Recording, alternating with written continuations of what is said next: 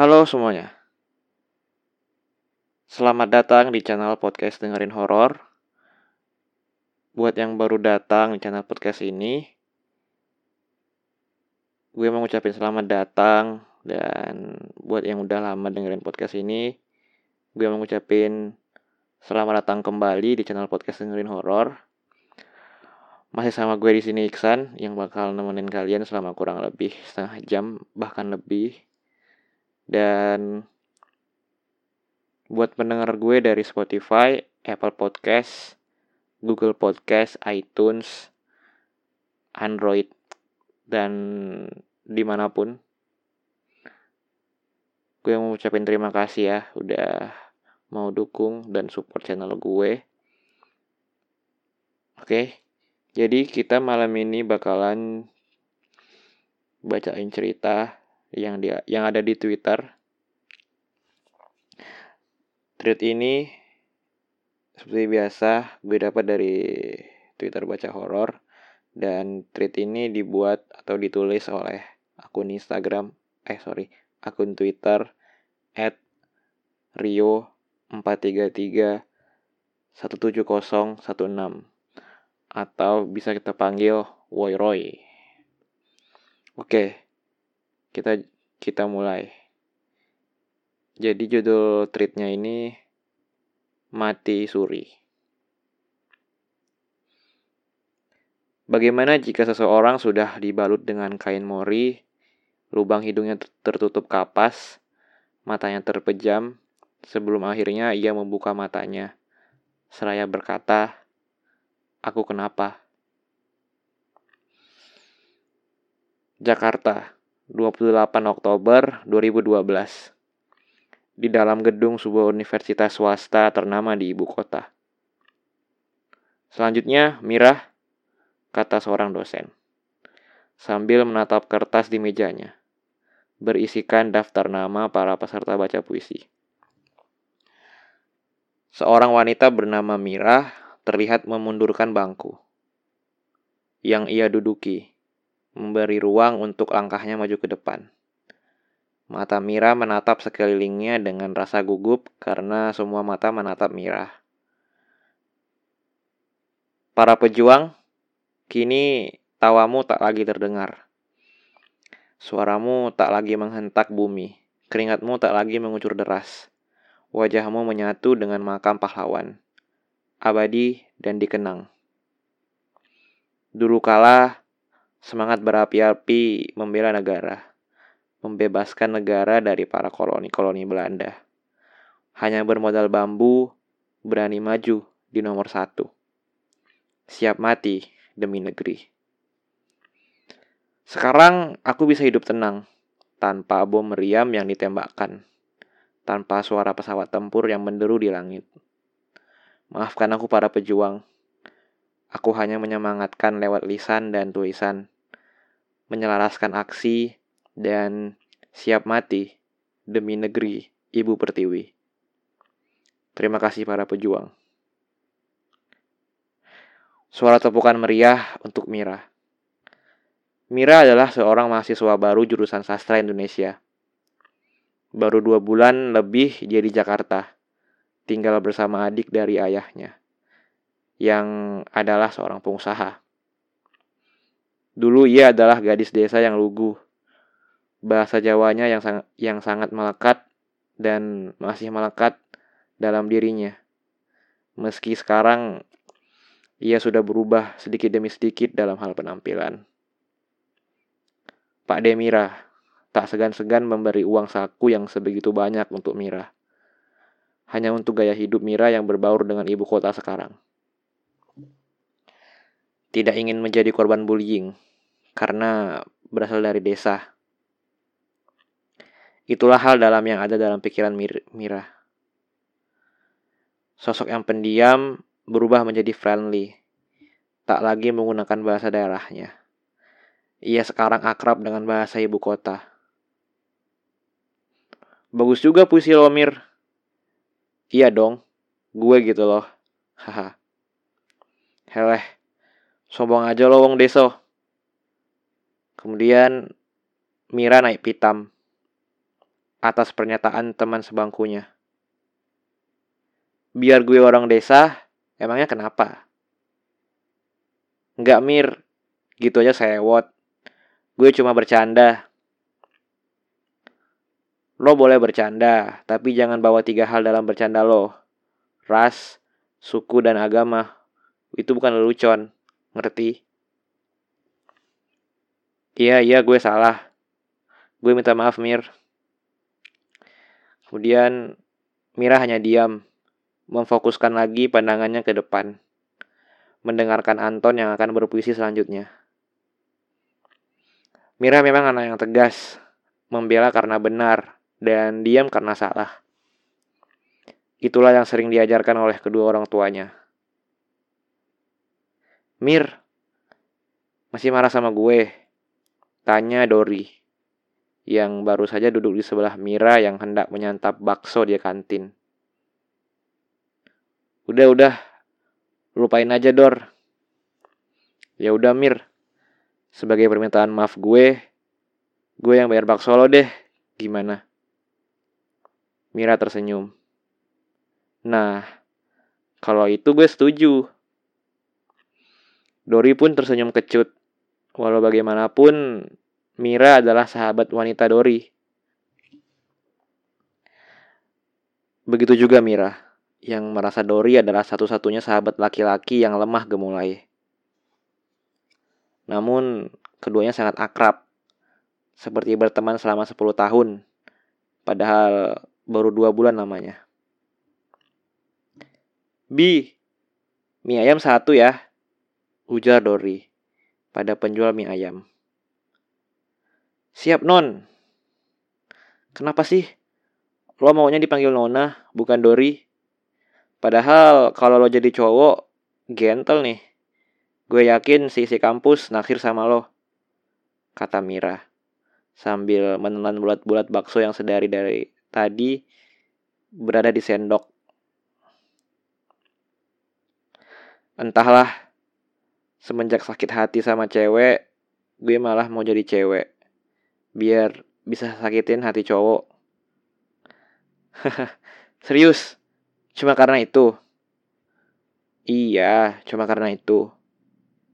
Dori mengambil mangkok berisi mie ayam di atas nampan yang diberikan oleh Bibi. Lo nggak tahu rasanya sakit hati ya? Hmm, kayaknya belum pernah. Jawab Mira. Itu masalahnya. Lo belum pernah ngerasain itu, Shin. Tapi kan sebenarnya lo gak harus begini. Ah, sudahlah. Semua orang berhak memilih, bukan? Jangan menghakimi seseorang karena apa yang baru saja ia lihat, tanpa tahu apa yang sebelumnya terjadi. Mira hanya diam sambil menyeruput teh botolnya. Eh, Mir, nanti anterin gue yuk. Ke mana? Nontonin Rambi main basket. Hah? Kenapa? Sejak kapan lo suka nonton basket? Hmm, sejak Ramli jadi pemainnya. Mira terlihat menghela nafas panjang. Mau ya? Ya udah. Yeay, gue gak sabar lihat keringatnya Ramli mengalir di dahinya. Bacot, mending lo bayar dulu nih bakso. Tenang, kata Dori, sambil mengeluarkan dompet Hello Kitty dari saku belakangnya. Bi, uangnya di meja ya. Oke, Non. Ayo, Mir. Bentar lagi pertandingannya dimulai. Iya, iya, bawel. Ujar Mira, menaikkan tas lempangnya ke bahu. Ramli adalah mahasiswa dalam deretan cowok ganteng di universitas swasta itu. Dengan rambut dark brown, perkawinan silang antara Inggris dan Indonesia. Membuat kaum Hawa jatuh hati melihatnya. Bahkan, bukan hanya kaum Hawa, kaum sejenis Dori pun tertarik melihat Ramli. Ayo semangat Ramli, teriak Dori diikutin tepukan kedua tangannya. Mira menggelengkan kepala melihat Dori yang sebegitu antusias dengan pertandingan basket itu. Suara peluit terdengar, menandakan pertandingan berakhir. Pertandingan dimenangkan oleh tim Ramli dengan skor 36-20. Dori terlihat menghampiri Ramli, membawa lap tangan yang dilipat dan botol berisi air. Ramli, ini minum, kata Dori menghalangi jalan Ramli. Cie dibawain minuman sama pacarnya, hahaha. Ledek teman Ramli yang berada di samping Ramli. Bacot lojar, minggir lodor, kata Ramli. Dori mundur selangkah dan memberikan jalan untuk Ramli. Meski bahu Ramli beradu ketika melewati Dori.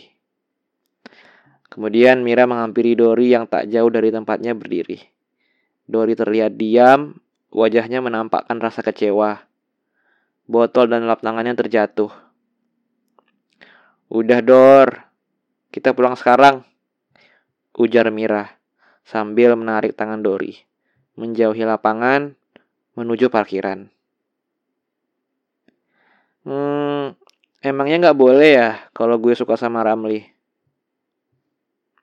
Dor, semua orang berhak mencintai, tapi coba lo pikir, kenapa dia begitu sama lo?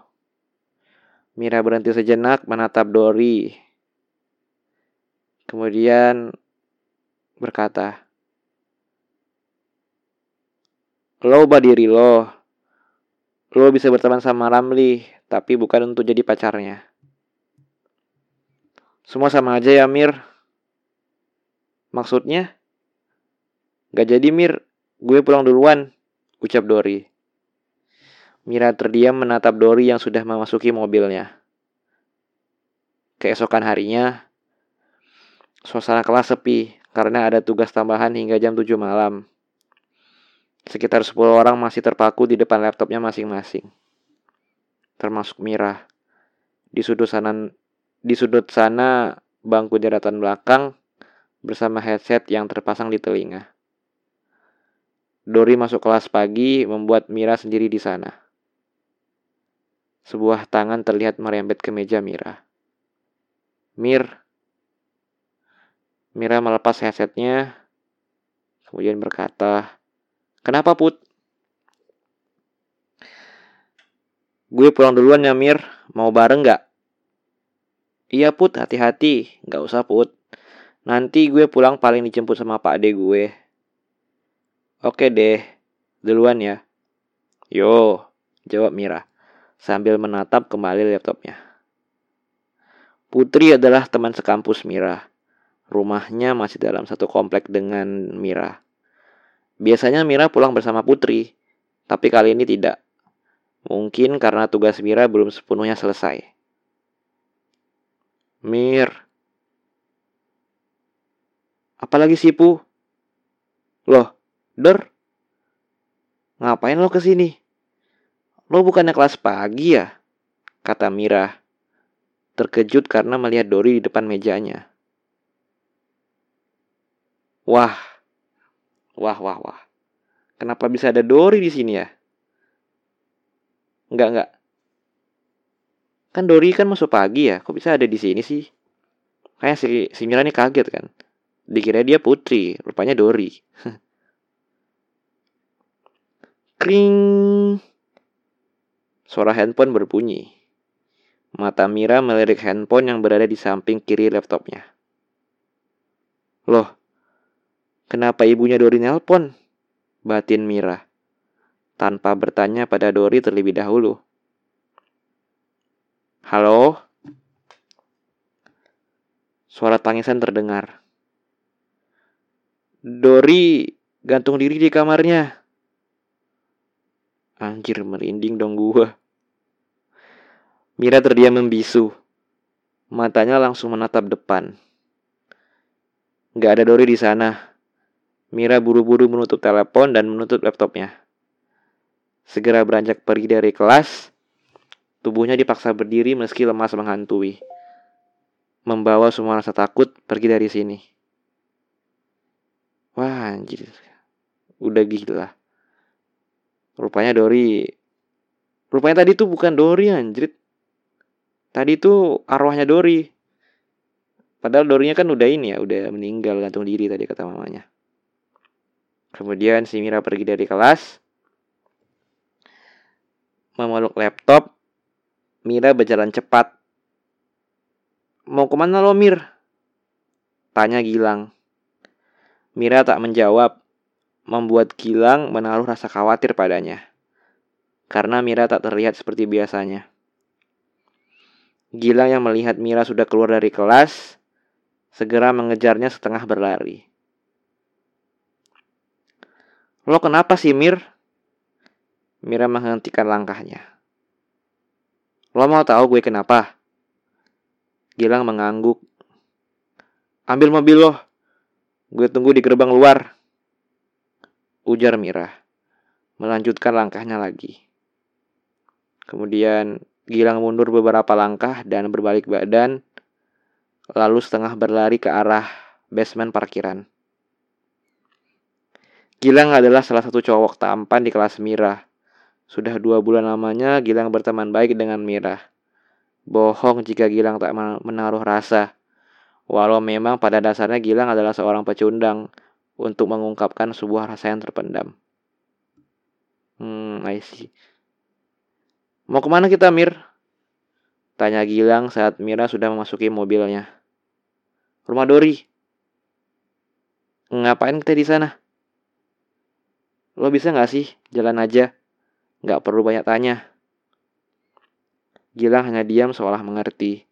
Walau sebelumnya Gilang belum tahu apa yang sebenarnya terjadi.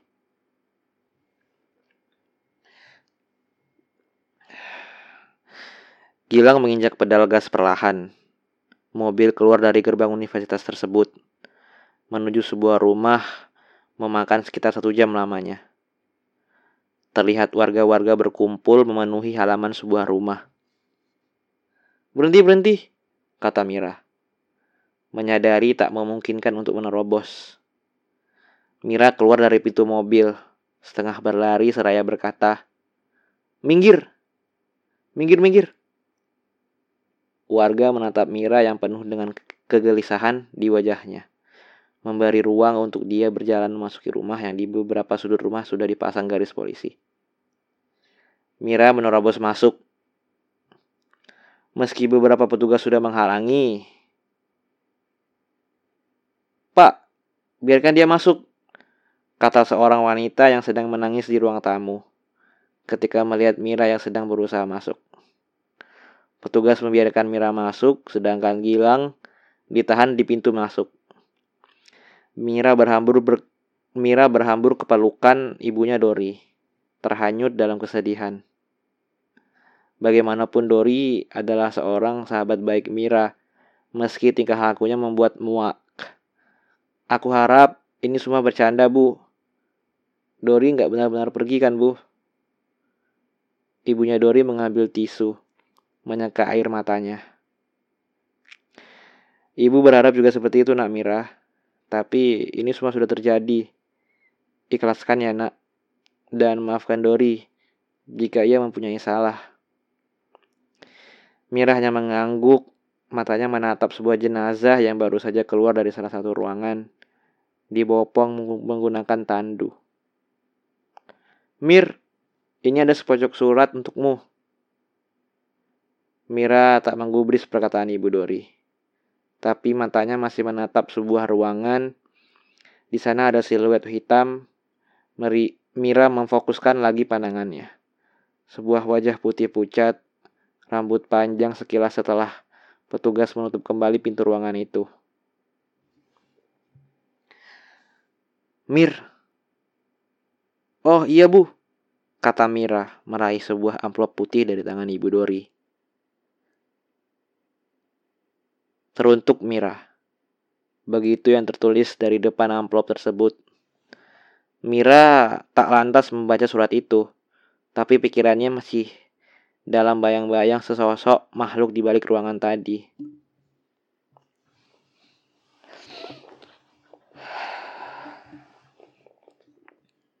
Malam hari setelah jenazah Dori dibawa ke salah satu rumah sakit yang berada di Jakarta untuk proses otop otopsi, tapi Mira lebih memilih untuk pulang bersama Gilang.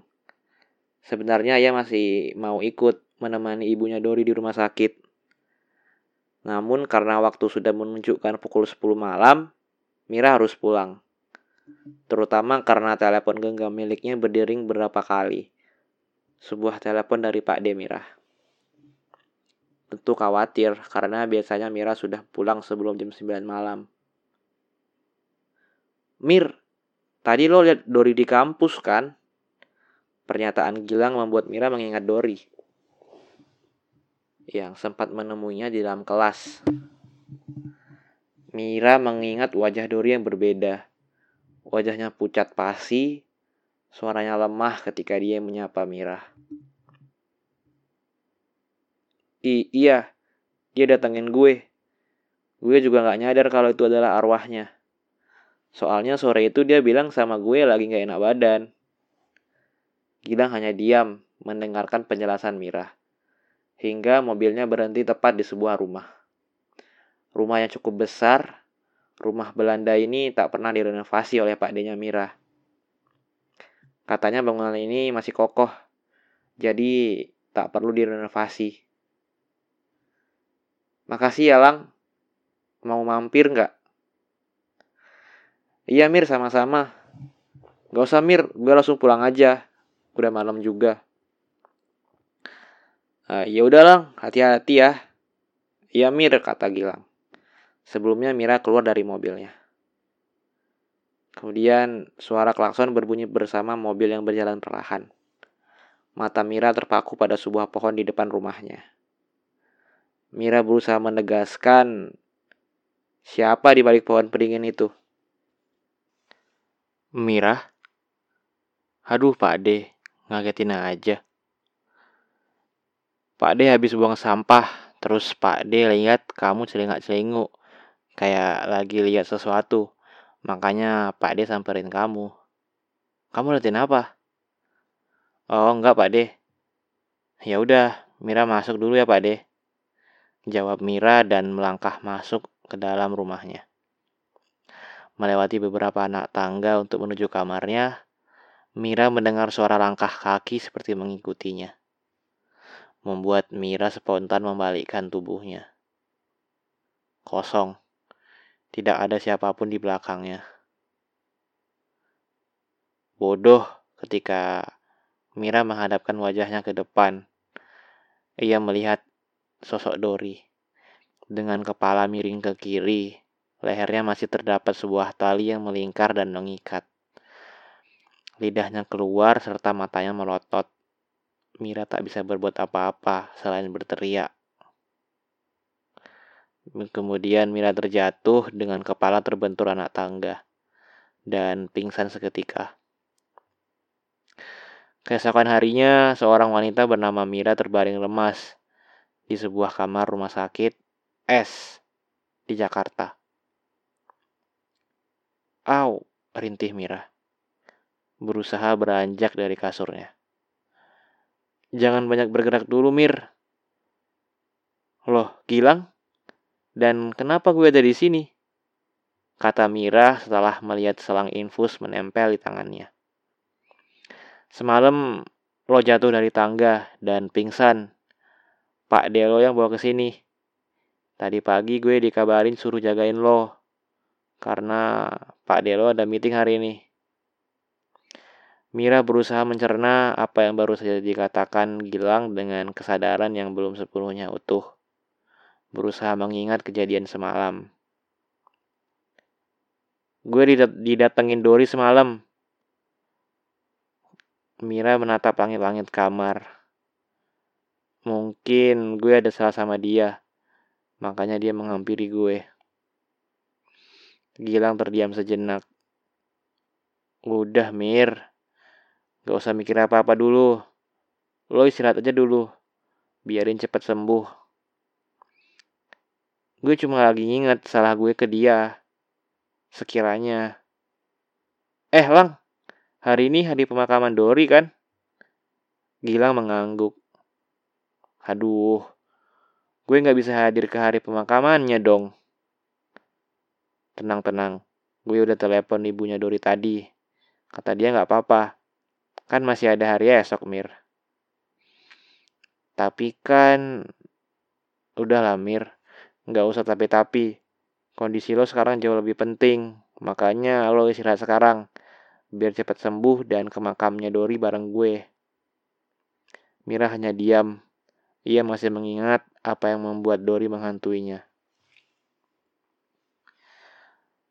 Permisi pak, ini ada obat yang untuk diminum oleh Ibu Mira. Kata seorang suster pada Gilang sambil memberikan nampan di atasnya terdapat makan yang ditaruh meja oleh suster. Bersama beberapa obat-obatan. Oh iya sus, makasih ya. Iya pak, sama-sama. Nih Mir, lo mau cepet-cepet ke makam Dori kan? Iya. Ya udah nih makan dulu. Habis itu lo minum obat, kata Gilang sambil mengarahkan sebuah sendok berisi bubur pada mulut Mira. Mira melahapnya, tapi masih dengan tatapan kosong. Dua hari kemudian, Mira sudah boleh pulang dari rumah sakit. Hari itu Gilang yang menemani Mira untuk pulang, karena Pak Demira masih di luar kota. Lang, kita nggak usah pulang dulu, Kenapa? Terus kita ke mana? Tanya Gilang setelah keluar dari parkiran rumah sakit. Kita ke makam Dori. Kenapa nggak besok aja, Mir? Lo kan baru aja pulang dari rumah sakit. Nggak apa-apa, Lang. Gue udah sembuh kok. Kemudian Gilang ingin menolak karena melihat keadaan Mira yang masih terlihat pucat di wajahnya. Tapi Mira adalah anak yang keras kepala. Gilang takut jika ia menolak, Mira malah pergi sendiri. Ya udahlah Mir. Perjalanan dari rumah sakit menuju TPU yang berada di Jakarta hanya memakan waktu sekitar 45 menit. Sore itu tempat pemakaman sepi. Hanya ada Mira, Gilang, petugas kebersihan makam, dan satu pedagang kembang wangi. Setelah membeli beberapa kembang wangi, Mira dan Gilang berjalan menyusuri makam, menata batu lisan satu persatu, mencari nama Dori di sana. Ini Mir makam Dori, kata Gilang menunjuk sebuah batu lisan yang bertuliskan namanya, Dori Deviandra. Mira berjalan menghampiri Gilang, dan kemudian Mira berjongkok membersihkan kembang yang layu di atas kuburan Dori. Dor, gue minta maaf kalau gue salah. Gue minta maaf kalau ada perkataan gue yang kurang berkenan. Gue minta maaf banget gak pernah ngertiin perasaan lo. Semoga tenang di sana ya, Dor. Mira tak bisa membendung air matanya. Tangisnya pecah ketika Gilang membantu Mira berdiri dan memeluknya. Dori pasti maafin lo kok, Mir, kata Gilang berusaha meredakan tangis Mira.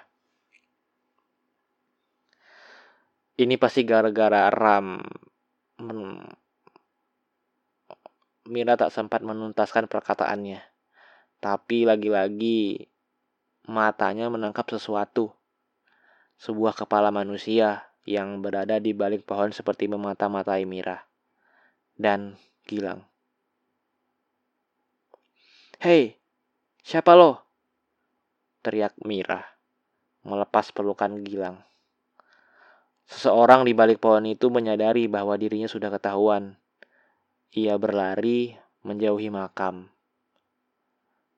Kenapa Mir?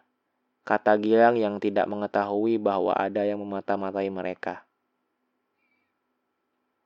Tak tadi ada orang di situ, kata Mira sambil menunjuk salah satu pohon yang berada di area pemakaman. Kayaknya dia seseorang yang waktu itu gue lihat. Hah? Kapan? Waktu hari meninggalnya Dori. Lo antar gue pulang kan? Nah, di situ setelah lo pulang, seseorang itu kayak ngintai gue. Selalu di balik pohon itu. Wajahnya nggak kelihatan jelas, pakaiannya serba hitam, percis apa yang gue lihat barusan. Gilang terdiam, seolah berusaha mengungkap siapa yang sedang mengikuti Mira. Gue selalu ada buat lo, Mir. Siapa pun itu yang mengganggu lo, berarti dia mengganggu gue. Ujar Gilang. Tapi kalau gue lihat sekilas, dia itu nggak asing. Gue kayak udah pernah lihat sebelumnya. Sebelum dia mengintai gue. Tapi siapa ya dia? Mira dan Gilang pun sama-sama terdiam, seolah memikirkan siapa yang berada di balik pohon tadi.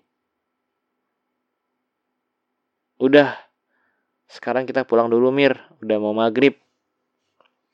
Mira mengangguk melihat petugas kebersihan melambai pada Mira dan Gilang, seolah memberitahu untuk cepat pergi dari sana sebelum maghrib. Mbak Mir, ucap Bapak petugas kebersihan. Loh, Bapak tahu nama saya? Kata Mira bingung. Iya, tadi ada yang nintipin ini pada saya. Katanya kasih ke wanita yang sedang melayat itu, namanya Mira. Ucap seorang petugas kebersihan sambil memberikan secari kertas yang dilipat. Mira meraih kertas Mira meraih kertas tersebut dan kertas itu bertuliskan apa kabar Mira? Mira dan Gilang saling menatap bahwa yang mengintainya adalah manusia. Bapak tahu siapa nama yang memberikan kertas ini? kata Gilang pada petugas kebersihan.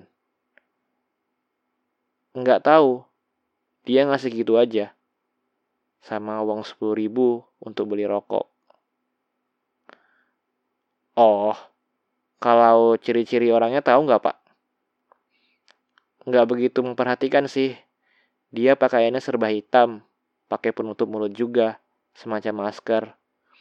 Jadi wajahnya nggak begitu nggak begitu jelas terlihat. Oh, ya udah makasih ya Pak. Emangnya ada apa ya Mas? Oh nggak apa-apa Pak. Ya udah, kami pamit pulang dulu ya Pak. Kata Gilang sambil menarik pelan tangan Mirah berjalan ke arah mobil yang bertar parkir. Sepanjang jalan, Mira masih menatap kertas itu. Siapa dia, Yalang? Dia pasti orang terdekat kita, Mir. Dari mana lo tahu? Coba deh lo baca kertas itu lagi. Di situ ada nama lo kan, Mir. Seseorang yang gak kenal lo, pasti gak tahu nama lo, kecuali dia kenal. Atau ada yang ngasih tahu nama lo, kata Gilang, dan langsung memasuki mobilnya. Mira terdiam atas perkataan Gilang. Gilang melongo. Ngapain diam di situ? Kemudian Gilang menyuruh Mira masuk dalam mobil bersamanya. Ketika ia melihat Mira masih terpaku di pintu mobil. Tepat ketika azan maghrib berkumandang bersamaan dengan Mira yang memasuki mobil. Kemudian sekitar pukul 19.00 malam, Mira sudah berada di rumah. Sebelumnya Pak Denya menelepon Mira karena tidak jadi pulang hari ini. Karena masih ada beberapa urusan di luar kota. Istri dari Pak D-nya sudah meninggal sekitar 10 tahun. Meninggal saat berusaha ber melahirkan, malang, tak dapat ditolak. Bayinya ikut bersamanya. Kisah pilu yang mendarah daging bagi Pak Demira. Wanita seperti istrinya tak lagi ia dapat di dunia. Hanya berharap kesetiaannya sampai kini membawanya ke surga bersama buah hati dan istri tercinta. Beruntung Pak D-nya tak terlalu merasa kehilangan karena ia masih mempunyai anak saudara yang begitu peduli dengannya, terutama Mira. Baginya, Mira seperti anaknya sendiri, jadi tak heran. Apa pun kemauan Mira pasti ia turuti, karena menurutnya perial uang bisa dicari, perihal cinta tak dapat dibeli. Tapi tak lantas membuat Mira menyombongkan diri atas segala yang ia punya sekarang. Meski dari gaya berbahasa dan pakaiannya sudah kekinian, Ia tak pernah meninggi, sebab ia tahu semua hanyalah titipan. Kemudian Mira menaiki tangga, matanya terpaku pada sebuah HP yang yang gegam, seolah hafal menaiki anak tangga tanpa melihat. Jari, jari jemarinya asik membalaskan beberapa pesan masuk, hingga langkahnya terhenti karena menyadari ada sebuah suara rintihan dari salah satu kamar. Suara apa itu? Batin Mira. Suasana hening membuat Mira menegaskan suara apa yang terdengar sekarang. Suara tangisan semakin memekakan telinganya. Mira dihantui rasa penasaran. Kakinya bergemetar hebat. Bodohnya, ia melangkah lagi menuju sumber suara. Langkahnya mengendap. Mira menatap sebuah kamar yang terbuka sedikit Terlihat sebuah cahaya dari lampu yang hampir redup. Sejak kapan pintu gudang terbuka? Ucap Mira dengan nada yang begitu pelan. Suara tangis itu pun masih terdengar, tapi suara itu semakin pelan ketika Mira sudah hampir berada di kamarnya. Kamar yang berada tepat di depan gudang itu. Mira membuka pintu kamarnya perlahan Pintu kayu yang terbuka perlahan bersama suara pintu yang berdecit. Mira mengalihkan pandangannya ke arah ruang kamarnya dengan rasa was-was. Brak! Terdengar suara pintu yang dibanting dengan keras. Seketika suara tangis terhenti. Rasa takut muncul ketika suara pintu tadi terdengar. Mata Mira memeriksa setiap sudut ruang kamarnya. Tidak ada satupun orang di sana, kecuali di balik hordeng jendela kamarnya. Seorang lelaki menongolkan wajahnya yang berlumur darah yang menghitam. Dori, kata Mira. Berusaha tetap tenang walau raga dan jiwanya sudah hampir tak menopang rasa, rasa takutnya.